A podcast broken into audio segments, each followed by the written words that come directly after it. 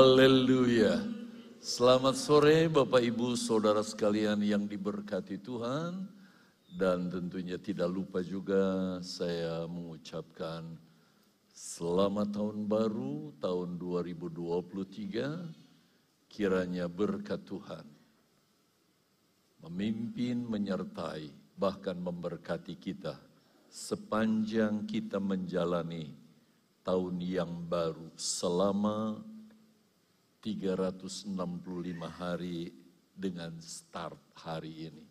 Itu sebabnya tahun baru kali ini istimewa sekali ya. Karena kita mulai dengan hari Minggu. Pada tanggal 1 kemarin hari Sabtu ibadah tutup tahun. Kita mengakhiri tepat pada tanggal 31 dan hari ini kita mulai dengan tahun yang baru tepat pada tanggal 1. Kita sudah jalani berapa jam ini dari sejak jam 12 tengah malam tadi. Baik saudara untuk mendasari kebenaran firman Allah sebelum kita makan, minum tubuh dan darah Yesus. Tidak seperti biasanya saudara mengambil sendiri, tetapi kali ini kita kembali kepada sistem semula di mana ada pelayan-pelayan yang akan melayani saudara. Sebelum saudara mengambil roti dan anggur yang adalah tubuh dan darah Yesus. Saya ingin berbicara bahasan tentang atau tema khotbah di minggu pertama tahun yang baru ini adalah totalitas yang bisa diartikan sepenuhnya atau keseluruhannya. Bisa juga berarti kemutlakan. Nah, apa yang totalitas yang sepenuhnya atau keseluruhannya, kemutlakan itu? Kalau saya dapat jelaskan kepada saudara, apa yang Yesus lakukan untuk menyelamatkan saudara dan saya. Dia sudah melakukannya secara totalitas. Dan sekarang apa yang kita harus lakukan? Sebagai orang-orang yang sudah diselamatkan dan masih diberi kesempatan oleh Tuhan hidup di muka bumi. Jadilah pengikut Yesus yang benar-benar hidup saudara totalitas untuk Yesus demi kemuliaannya, demi kebesarannya.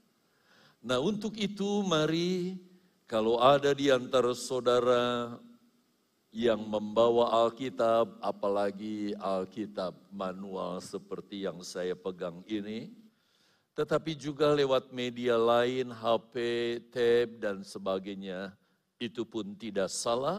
Buka Filipi 2 ayat 6 sampai ayat yang ke-8 sebagai ayat pokok kita. Kalau toh saudara tidak membawa Alkitab, bukan artinya saudara tidak punya kesempatan untuk memperhatikan, meneliti, mendalami firman Allah.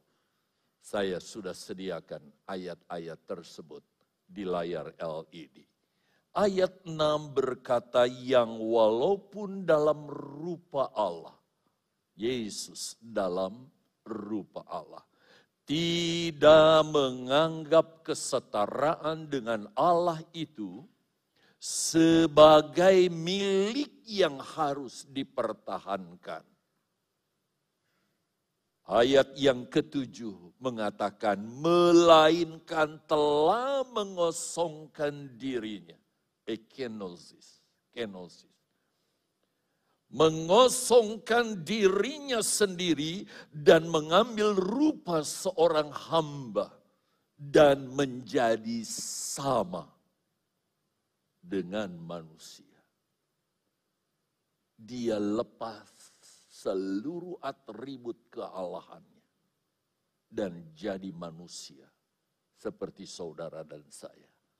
ayat 8 mengatakan, dan dalam keadaan sebagai manusia, ia telah merendahkan dirinya dan taat sampai mati, bahkan sampai mati di kayu salib. Diberkati kiranya saudara sekalian yang membaca Alkitab yang adalah firman Allah. Lalu lebih diberkati saudara apabila ketika ayat-ayat itu diuraikan, saudara cermati, perhatikan dengan baik-baik dengan saksama. Dan setelah saudara mengerti, saudara akan semakin diberkati dan berbahagia kalau saudara melakukan firman yang sudah saudara baca, dengar, dan lakukan itu. Baik, saya akan jelaskan maksud tema dan ayat ini. Kalau saudara memperhatikan bagaimana karya Yesus yang sudah dia lakukan untuk menyelamatkan kita kita patut bersyukur kepada Allah kita di dalam Tuhan Yesus Kristus, Juru Selamat dan Penebus dosa kita manusia. Kenapa? Karena oleh korban Yesus yang sudah mengerjakan karya keselamatan bagi kita secara totalitas. Atau tidak ada saudara sedikit pun yang tersisa yang dia belum selesaikan, yang dia belum kerjakan, tetapi dia kerjakan secara tuntas, menyeluruh bagi saudara dan saya, sehingga tentang keselamatan tidak ada sedikit pun mas yang masih tersisa atau yang belum Yesus selesaikan bagi kita. Semuanya diselesaikan, saudara. Dan mungkin ada di antara saudara yang berpikir, bagaimana kalau ada bagian yang Yesus belum selesaikan dari karya keselamatannya bagi kita itu. Saya ingin katakan terus terang kepada saudara, kalau Yesus ketika mengerjakan karya keselamatan, ada bagian kecil saja yang dia belum selesaikan, maka tidak ada seorang pun di antara kita Walaupun saudara berstatus sebagai orang Kristen, pengikut Yesus, tidak ada seorang pun di antara kita yang punya kepastian bahwa kita sudah diselamatkan. Tetapi kenyataannya kekristenan tidak seperti begitu kan? Satu kepastian karena Yesus sudah selesaikan secara tuntas karya keselamatan itu buat saudara dan saya. Nah pertanyaannya kenapa kalau ada tersisa lalu kita nggak selamat saudara. Perhatikan baik-baik jemaat. Sebab tidak ada seorang pun manusia di muka bumi ini yang bisa menyelesaikan pekerjaan keselamatan bagi dirinya karena ada kekurangan sedikit yang Yesus berikan apa lakukan untuk menyelamatkan kita. Dia sudah menyelesaikan bagian besar tetapi masih ada sisa sedikit yang harus kita lakukan, maka ingin saya katakan kepada saudara, tidak ada yang bisa kita selesaikan. Apakah itu dengan kekuatan kita, dengan kegagahan kita, dengan kepandaian kita. Tetangga kita bilang, dengan amal ibadah, sebab agama mereka mengajarkan demikian. Oh untuk masuk surga itu yang penting beramal, berbuat baik ini dan itu. Sama sekali tidak. Bahkan kalau men saudara menjadi orang yang terkaya dengan seluruh kekayaan dan harta saudara. Dan semua kebaikan yang saudara lakukan. Semuanya itu tidak dapat menyelesaikan keselamatan itu bagi diri kita. Walaupun keselamatan itu hanya tinggal sedikit yang harus diselesaikan. Karena Yesus belum selesai. Tetapi kita bersyukur ketika dia mengerjakannya, dia menyelesaikan secara totalitas. Itu sebabnya beberapa kalimat yang Yesus ucapkan menjelang kematiannya. Salah satu di antaranya dia berkata apa? Sudah selesai. Harusnya kita melonjak ya saudara. Dengan sukacita. Karena Yesus kerjakan ini buat kita secara tuntas. Kita patut menghargai karya yang luar biasa. Itu sebabnya dalam Filipi pasal 2, kalau saudara baca dari awal perikop, yaitu ayat 1 sampai 11, secara rinci Rasul Paulus menjelaskan bahwa Yesus dia adalah Allah, tetapi dengan kerendahan hati seperti ayat yang kita baca. Dia menyelamatkan saudara dan saya dengan cara mengosongkan dirinya. Dia melepas semua atribut kealahan yang melekat pada dirinya dan menjadi sama dengan manusia. Kenapa? Karena Yesus tidak bisa menebus diri kita kalau dia tetap menjadi Allah. Karena untuk menebus dia harus mati bagi kita. Sebab itulah bayaran dari harga penebusan yang dia harus lakukan begitu rupa bagi kita sekalian. Itu sebabnya tidak sedikit orang yang bertanya, kalau Yesus memang Allah, kenapa dia harus susah-susah jadi manusia? Apalagi sampai dia ceritakan bagaimana pakaian yang dikenakan saudara.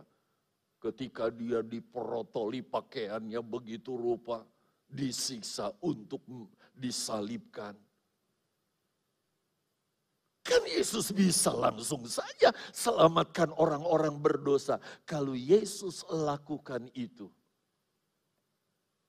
dalam kealahannya, maka Allah kita bukan Allah yang konsekuen. Dia harus jadi 100% manusia. Dan mati di kayu salib itu sebabnya dia harus secara totalitas mengosongkan dirinya dan melakukan karya penebusan itu mati di kayu salib kalau dia tetap Allah dia tidak bisa mati dan tidak bisa menyelesaikan kita itu sebabnya di dalam firman Allah tegas dikatakan, saya yakin banyak di antara saudara pada umumnya sudah mengerti ayat ini. Tepatnya di dalam Roma pasal 6. Saya akan baca bagian A dulu. Supaya bagian per bagian sehingga kita mengerti dengan jelas. Dikatakan dalam Roma 6 ayat 23 bagian A. Sebab upah dosa ialah. Jadi kalau disebut upah dosa di sini jangan saudara berpikir kalau dosa kecil, bohong kecil, lakukan ini kecil, kecil dosanya kecil, nggak apa-apa. Kalau dosanya gede, ah, baru itu ke neraka. Siapa bilang? Ayat ini berkata sebab upah dosa dosa sekecil apa pun yang sudah kita lakukan, maka saudara upahnya, akibatnya, dampaknya adalah maut. Dan maut di sini saudara bukan sekedar putus nyawa alias mati. Tetapi yang dimaksud maut di sini terpisahnya hubungan manusia dengan Allah untuk selama-lamanya. Dan bukan hanya terpisah, manusia harus menikmati akibat dosa yang dibuatnya itu dengan api neraka dan belerang yang tidak akan terpadamkan oleh apa pun dan orang itu akan berada di sana untuk selama-lamanya dalam kekekalan. Bapak, ibu, saudara yang dikasihi oleh Tuhan, inilah akibat dari maut itu. Akibat dari dosa yang adalah maut itu. Itulah sebabnya perhatikan saudara. Ketika Allah melihat manusia berbuat dosa, dan akibat dosa itu adalah memasukkan manusia ke dalam neraka yang kekal. Allah tidak puas dengan keadaan ini. Untuk itu, Allah bertindak menyelamatkan umat manusia.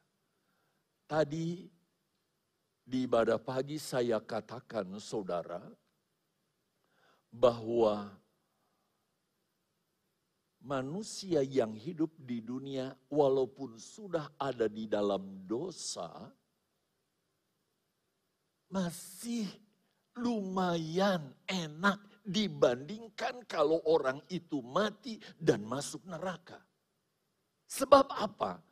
Walaupun manusia sudah berdosa dan ada di dunia ini, Allah masih punya rencana untuk menyelamatkan manusia asal manusia itu mau melakukan mengikuti kehendak Allah yaitu menerima kasih karunia yang akan kita bahas sebentar. Jadi kita masih punya harapan hidup masih bisa kita lakukan walaupun terbatas saudara.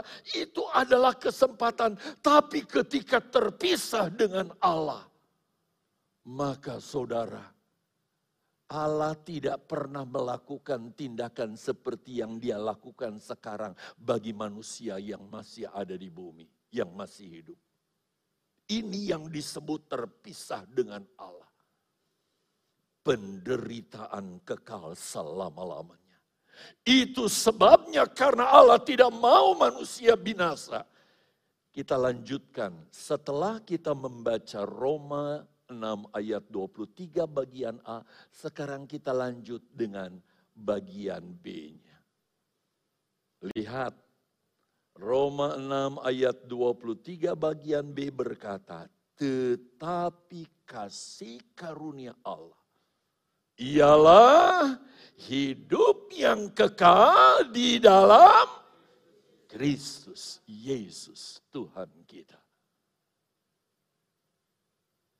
Bapak, ibu, saudara yang dikasihi oleh Tuhan. Arti dari Roma 6 ayat 23 bagian B ini. Kalau kita tidak mau setelah kita putus nyawa mati nanti, lalu dihukum, disiksa di dalam neraka selama-lamanya, maka jalan satu-satunya, cara satu-satunya untuk kita bebas dari hukuman yang mengerikan itu, kita harus menerima, kita harus menyambut kasih karunia Allah. Dan wujud kasih karunia Allah itu Sekali lagi, wujud kasih karunia Allah itu ialah di mana Yesus secara totalitas, secara tuntas, tidak ada yang dia tidak selesaikan. Yesus kerjakan keselamatan itu bagi saudara dan saya di atas kayu salib. Kita hanya tinggal menerima, kita hanya tinggal menyambutnya. Tidak ada lagi yang harus kita kerjakan ini dan itu saudara.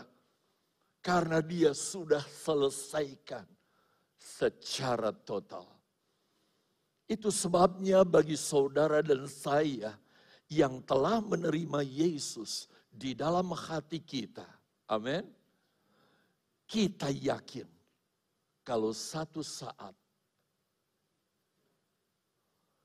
entah di tahun 2023 ini atau seterusnya kapan kita nggak tahu lalu Tuhan panggil kita kita tidak akan dimasukkan ke tempat penghukuman yang kekal yaitu neraka tetapi kita akan bersama-sama Yesus selama-lamanya di dalam sorga yang kekal.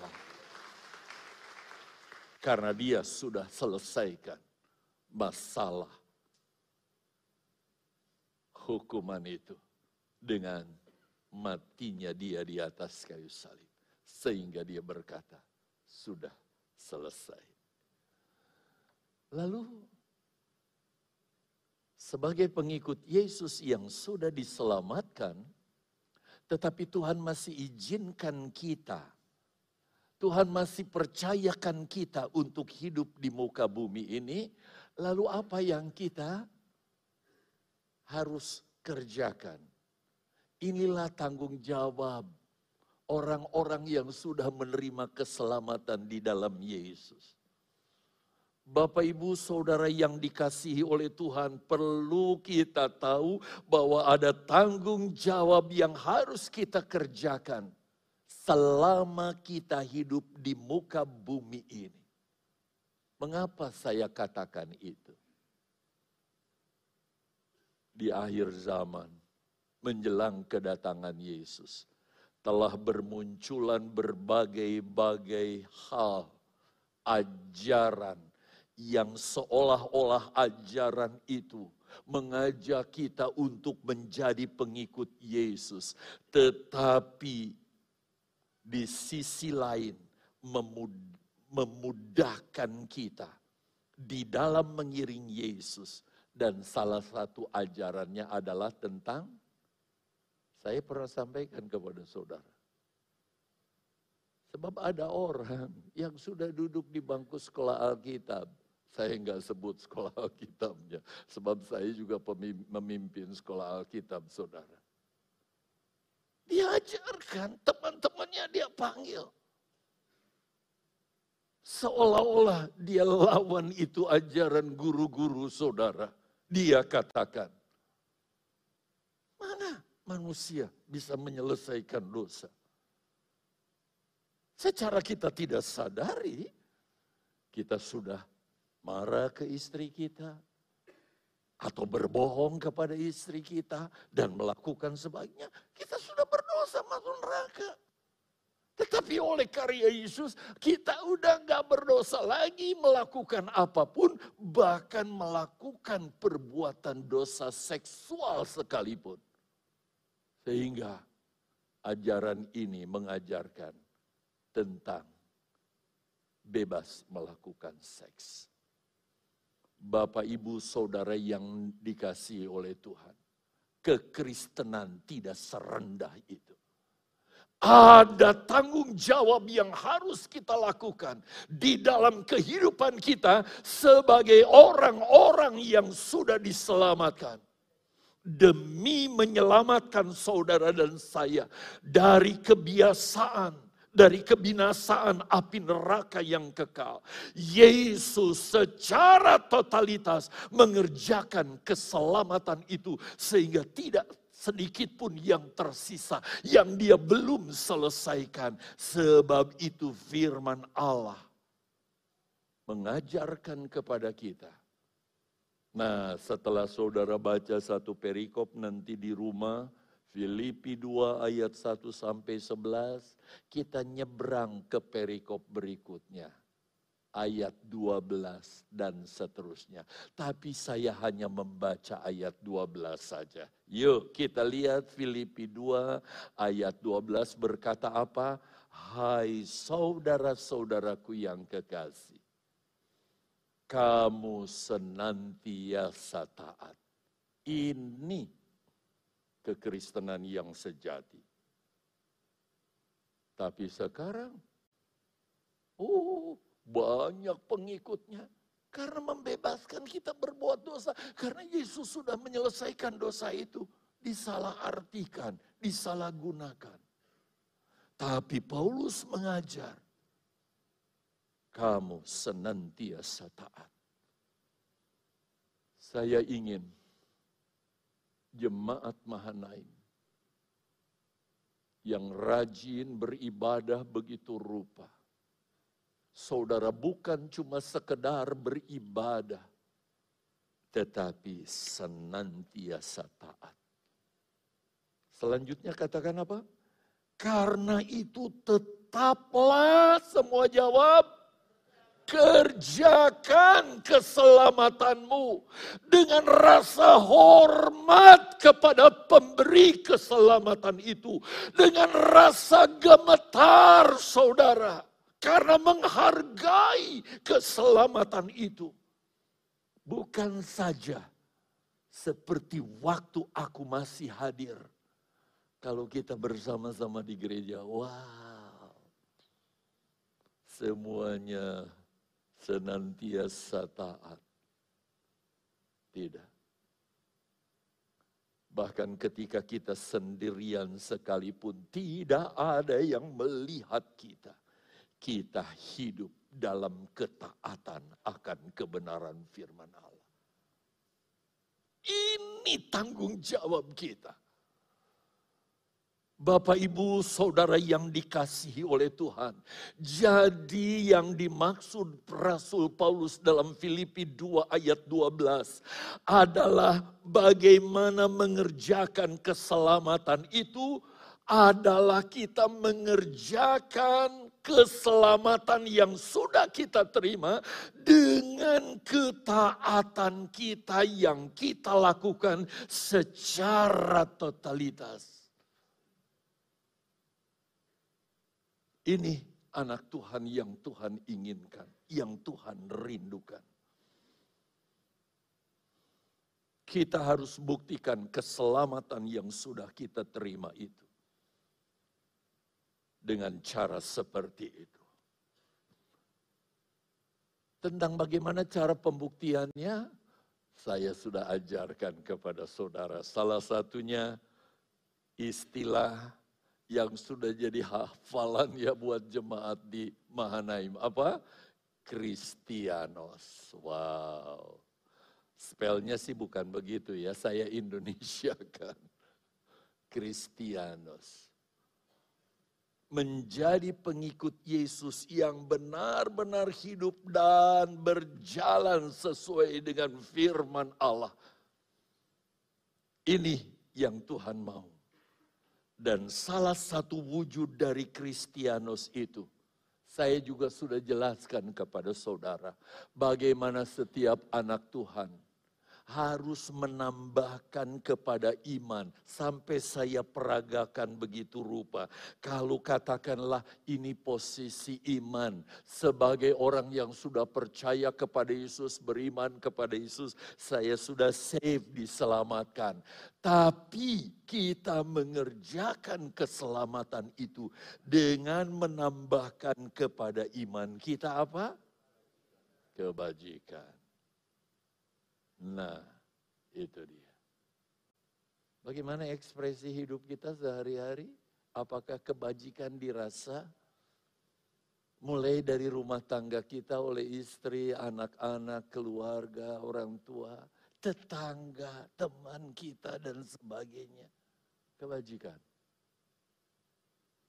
Atau kita tangan jahit, tangannya mengkeret terus begini, nggak pernah melepas saudara. Kebajikan. Terus pengetahuan, mengerti firman Allah. Sebab bagaimana kita mau bisa hidup menyenangkan Tuhan kalau kita nggak mengerti. Itu sebabnya kita ke gereja, dengar firman Allah, bahkan mencatat firman Allah begitu rupa. Sehingga kita jadi anak Tuhan yang mengerti firman Allah. Sehingga ketika ada orang yang membodohi kita dengan berbagai ajaran, kita langsung bisa katakan tidak. Ada gereja di mana saya dibina di situ untuk mengerti kebenaran firman Allah dan memiliki penguasaan diri. Ini bukan saudara datang secara alamiah, tetapi karena kita mengerti firman Allah dan hidup dipimpin Roh Kudus, ketika hasrat yang buruk itu datang, entah dari tubuh, dari jiwa, dari roh, kita dapat menolaknya. Bahkan dari apa yang kita lihat, kita dengar, kita bisa menolaknya sehingga kita tetap hidup berjalan dalam posisi taat di hadapan Tuhan dan berkenan kepadanya. Wah, kalau saya bahas ini lagi lama, saudara, ada beberapa bagian yang saya ingin sampaikan. Dan ini kita lakukan bukan sehari dua hari lagi moodnya baik tapi kita lakukan dalam ketekunan dengan kondisi seperti apa pun. Lalu orang dapat melihat kesalehan kita, komitmen kita, kesungguhan kita dalam pengiringan kita kepada Tuhan. Kita juga ekspresikan kasih kita. Kalau dengan keluarga sudah, dengan saudara seiman di gereja. Terima kasih lewat mimbar ini kepada seluruh jemaat. Christmas charity-nya, wow. Hamba-hamba Tuhan terberkati. Cuma dulu kita punya planning ya, setahun jangan satu kali Tapi dua kali nanti pasca juga atau di enam bulan ke depan ya lalu baru kemudian. Waduh, mana yang memberkati saudara. Karena kasih, persaudaraan, sampai saudara seperti Yesus memiliki kasih agape. Sampai musuh saudara, orang yang sudah menyakiti sekalipun. Saudara bisa datang dan mengasihi orang tersebut. Itu yang disebut dengan Kristianos. Nah, Bapak Ibu, saudara yang dikasihi oleh Tuhan.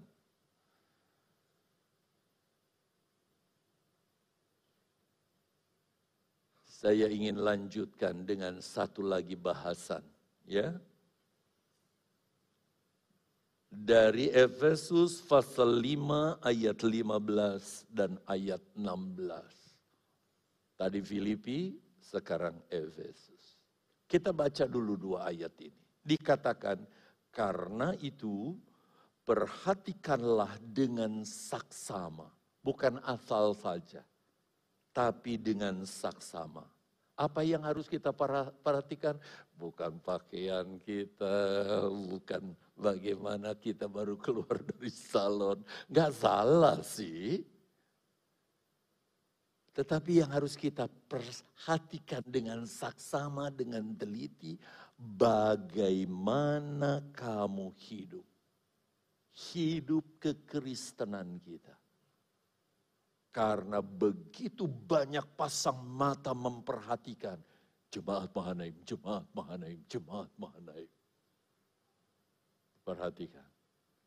Jangan sampai mereka pret podoai.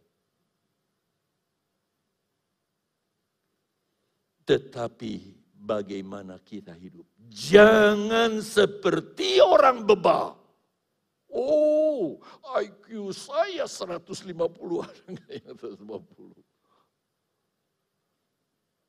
Jangan seperti orang bebal, tetapi seperti orang arif, orang yang bijaksana. Dan pergunakanlah waktu yang ada. Kenapa? Karena hari-hari ini adalah. Mudah-mudahan bisa selesai membahas ayat ini. Kalau memang tidak, ya bisa saja dilanjut di lain kesempatan. Yuk kita angkat nasihat yang pertama. Perhatikanlah dengan saksama bagaimana kamu hidup. Kata perhatikan dengan saksama dalam bahasa asli Yunani dipakai kata akribos. Kalau toh salah saya nggak malu saudara karena ini bukan bahasa Indonesia. Yang kalau dalam bahasa Inggrisnya dipakai kata walk circumspectly. Yang artinya saudara lihat, saya sudah tulis semuanya. Menjalani hidup. Kita sudah jalani tahun baru saudara. Dari 00 tadi malam. Sudah berapa jam saya katakan tadi? Jamnya. Sekarang sudah 17.51. Kita harus perhatikan dengan teliti de secara perfect saudara. Langkah demi langkah dari perilaku hidup kita. Tidak bertentangan dan berlawanan dengan firman Allah.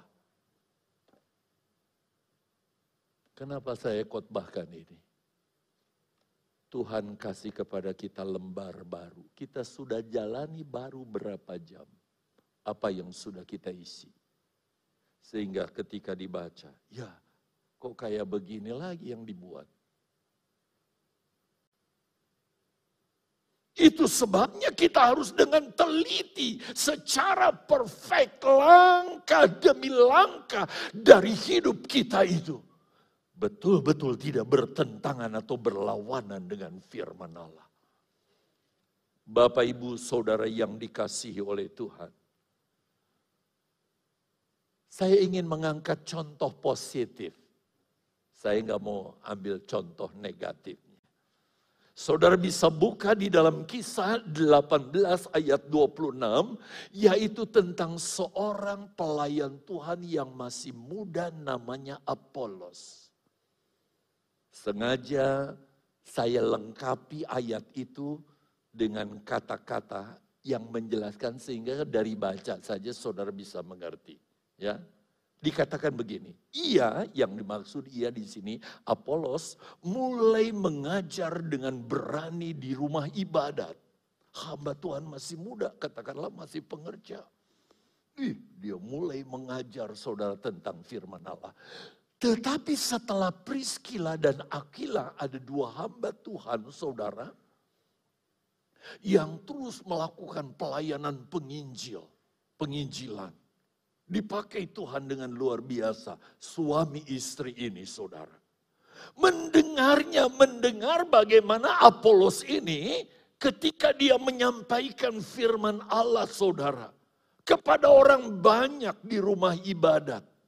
Jadi bukan rumah ibadat Kristen, rumah ibadat orang Yahudi. Dengan lain kata, yang mendengar itu adalah orang-orang yang belum percaya kepada Yesus. Aquila dan Priscilla saudara mendengarnya begitu rupa. Lalu mereka Aquila dan Priscilla membawa dia, membawa Apolos ke rumah mereka. Diajak ke rumahnya dan dengan teliti dengan teliti saudara menjelaskan kepadanya, menjelaskan kepada Apolos jalan Allah yang tidak lain adalah firman Allah dan saya yakin pada saat itu perjanjian baru belum ada. Matius sampai Wahyu. Sebab dalam masih dalam proses yang sudah ada perjanjian lama berbicara tentang Yesus di perjanjian lama bentuknya masih nubuat atau gambaran dan sebagainya. Ayo kita lanjut saudara. Kalau kita jalani hidup kita dengan teliti sesuai jalan Allah, sesuai firman Allah, di mana dan kapan pun Tuhan panggil kita, percayalah saudara, alamat kita adalah sorga.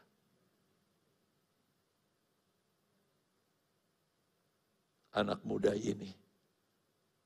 Dia belajar melakukannya begitu rupa. Dengan teliti dan dengan sungguh-sungguh. Nah, untuk ini saya tunda dan saya lanjutkan ke poin berikutnya. Nanti kita akan ketemu bagaimana sikap Apolos ini. Kita lihat dulu kalimat kedua dalam Filipi tadi. Janganlah seperti orang bebal. Selain kita harus melakukan firman Allah saudara dengan sungguh-sungguh. Lalu kita bersikap jangan seperti orang bebal tetapi seperti orang arif. Apa maksudnya ini? Saya rasa tidak ada di antara kita yang ingin disebut bodoh apalagi bebal saudara. Ya. Tetapi tanpa kita sadari dalam menjalani hidup, kita sering melakukan perbuatan-perbuatan kebodohan dalam hidup kita ini.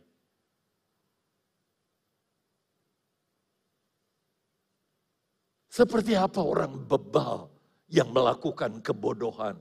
Saya ajak saudara ke Amsal pasal 18. Cukup kita baca bagian A yaitu ayat 2 bagian A. Orang bebal tidak suka kepada pengertian. Saudara ingin mengerti firman Allah? Kalau saudara, ada buat apalah ngurusin firman Allah? Udah, nggak usah. Itu sebabnya di gereja, walaupun Penjelasan firman Allah dijelaskan begitu rupa. Pakai LED, wah, wah, wah, menjelaskannya. Saudara sih main HP aja. Orang apa? Oh, orang kayak gitu. Gak mau mengerti firman Allah. Banyak contoh saudara. Perbuatan orang-orang bebal. Tetapi firman Allah menjelaskan perbuatan orang bebal adalah tidak suka kepada pengertian. Nggak mau belajar untuk mengerti. Nah, apa yang dimaksud tidak suka kepada pengertian? Kita pelajari karakteristik Apolos. Luar biasa anak muda ini. Hebat. Kisah Rasul pasal 18 ayat 24 sampai 28 saya tidak akan baca. Tetapi saya jelaskan latar belakang keadaan Apolos yang masih minim pengertiannya akan firman Allah. Dia sebagai pelayan Tuhan tetapi masih banyak yang dia belum mengerti tentang firman Allah. Cuma sudah berani khotbah di depan umum lagi saudara. Yang dia baru tahu tentang baptisan saja, saudara, dia hanya tahu bahkan mengalami pengalaman baptisan Yohanes Pembaptis. Saya sampai jelaskan dengan cara peragakan di sini baptisan Yohanes katakanlah di sini baptisan Yesus. Baptisan Yohanes itu apa? Yaitu baptisan tobat, bukan baptisan iman menerima Yesus sebagai Tuhan dan juru selamat sehingga dia lahir baru menguburkan hidup yang lama dan hidup di dalam hidup yang baru. Tapi baptisan Yohanes kamu benar-benar bertobat, mau meninggalkan dosa yang lama, sini. Saya mandikan kamu, kira-kira begitu. Saya baptiskan sebagai orang yang bertobat. Nggak pakai dalam nama Yesus, sebab Yesus belum mati di kayu salib. Cemplung sudah. Jadi cuma baptisan tobat. Saya sudah berkomitmen sebagai orang yang bertobat. Nggak mau berbuat dosa lagi. Yohanes baru tahu itu, tapi dia sudah menginjil.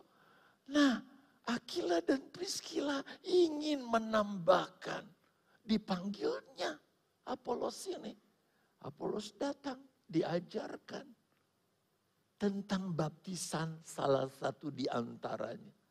Nah, perhatikan ketika Priskila dan Akila melihat Apolos dia terpanggil untuk membimbing Apolos agar Apolos mengerti tentang firman Allah yang benar. Lihat titik yang kedua saudara di caption. Dengan rendah hati. Dengan tulus hati dan bijak. Apolos menerima sepenuhnya apa? Ajaran firman ini kerinduan saya.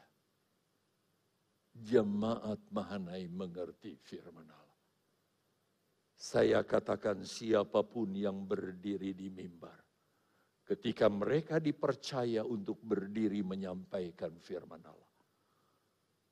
Yang ada di GPDI Mahanaim saya percaya mereka mengajarkan kebenaran firman Allah Terima dengan tulus firman Allah.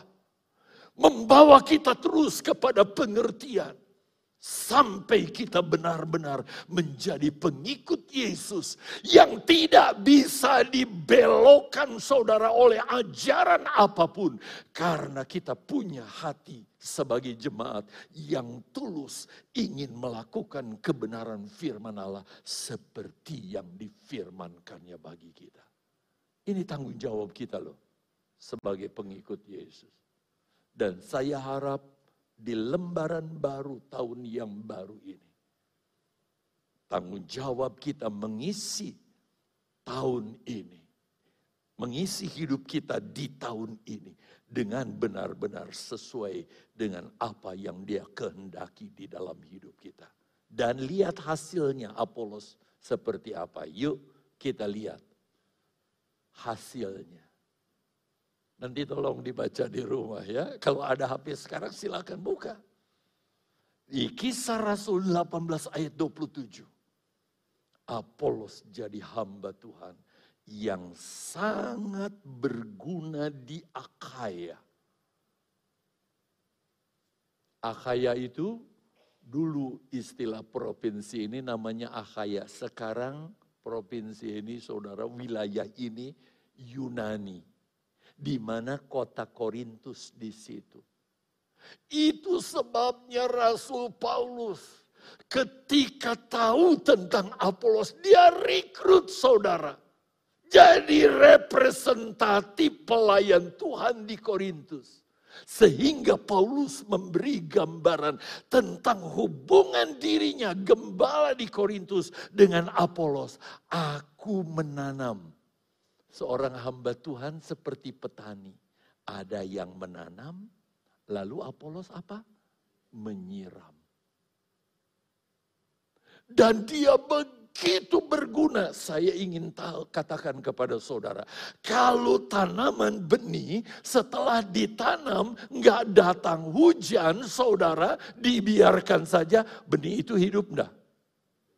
Apolos pelayanannya seperti memberi siraman kepada jemaat. Kenapa? Karena bu dia terbuka, dirinya terbuka bagi nasihat, masukan dan sebagainya. Ketika Akila dan Priskila memanggil dia, dia tidak berkata, eh tidak bisa, gue lebih jago dari lu, lu itu apa sih? Dia ikuti dengan taat. Lihat ayat 28 Apolos bisa membuktikan bahwa Yesus adalah Mesias. Melalui kitab suci yang dia pelajari. Sebab kita tahu walaupun saudara perjanjian lama saat itu hanya merupakan nubuat tentang bagaimana Yesus itu akan datang menjadi penyelamat. Itu diungkap, diurai begitu rupa sehingga Apolos menjadi orang yang dipakai oleh Tuhan begitu rupa.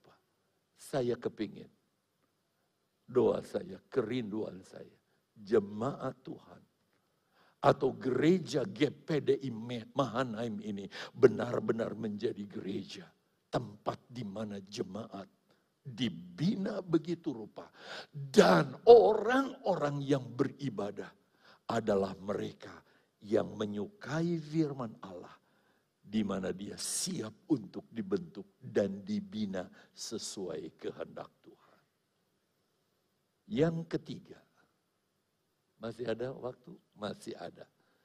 Di sini masih ada tulisan 10 menit. Saya gunakan 5 menit saja.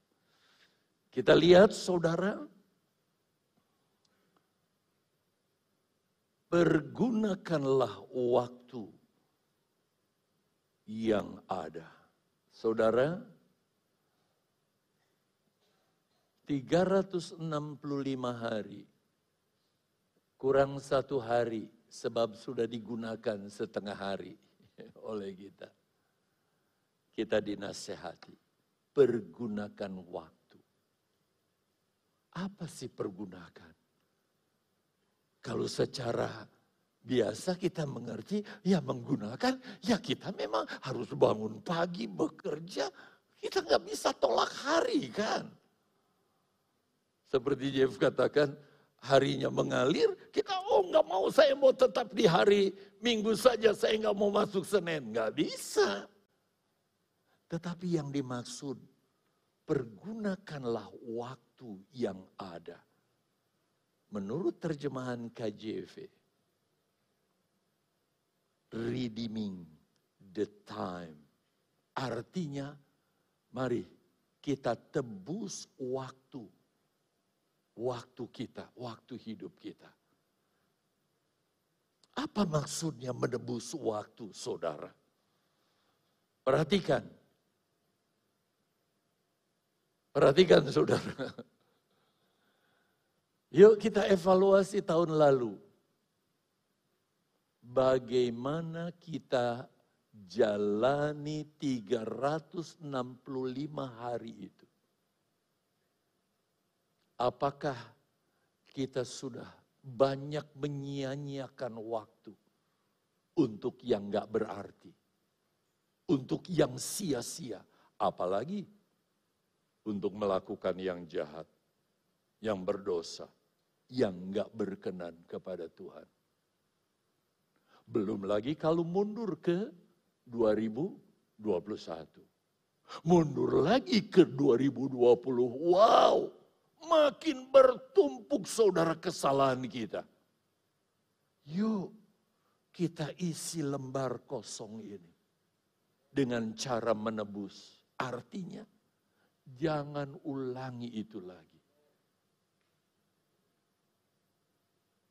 Jalan, isi waktu, kerjakan segala sesuatu yang memuliakan Tuhan dengan apa pun yang ada pada kita. Jangan sia-siakan. Almarhum kan pengarang lagu ini. Dia sudah berkata, jangan sia-siakan waktu yang Tuhan beri. Hidup ini harus jadi berkat. Bahkan sudah jadi berkat. Itu angkatan berapa, saudara? Di sekolah Alkitab kami. Awal-awal saya mengajar ketika dia sekolah Alkitab. Dia memberi nasihat dan saya suka lagu itu. Karena lagu itu mengingatkan. Hidup ini adalah kesempatan. Hidup ini jangan diisi dengan hal yang tidak berguna. Gunakan sisa waktu yang masih kita miliki untuk menebus waktu yang selama ini kita sudah sia-siakan. Cara menebus katanya kembali kepada kalimat pertama akribos. Walk circumspectly. Artinya kita jalani hidup kita ini dengan benar-benar cermat dengan dengan teliti, dengan hati-hati. Bahkan saya sudah peragakan seperti tapak kaki yang saudara ikuti, saudara mengikutinya secara presisi. Wah betapa indah dan mulianya. Kita lewati 2023 kalau kita melakukan berdasarkan ini. Tanamkan firman Allah di hati kita dengan sungguh-sungguh. Lakukan apa yang Tuhan inginkan. Ada banyak bagian yang belum saya bisa selesaikan, tetapi di lain kesempatan kita bisa selesaikan ini. Ku perlu Yesus di hidupku. Kita sungguh-sungguh membutuhkan Yesus. Seperti seorang anak kecil yang belajar berjalan, dia perlu tuntunan orang yang membimbing dia. Demikian dengan kita. Nyanyikan ini dengan kesungguhan hati. Tuhan sungguh saya nggak bisa berjalan sendiri. Tanpa Tuhan yang menuntun. Tanpa Tuhan yang menyertaiku. Ku perlu Yesus di hidupku. Halo.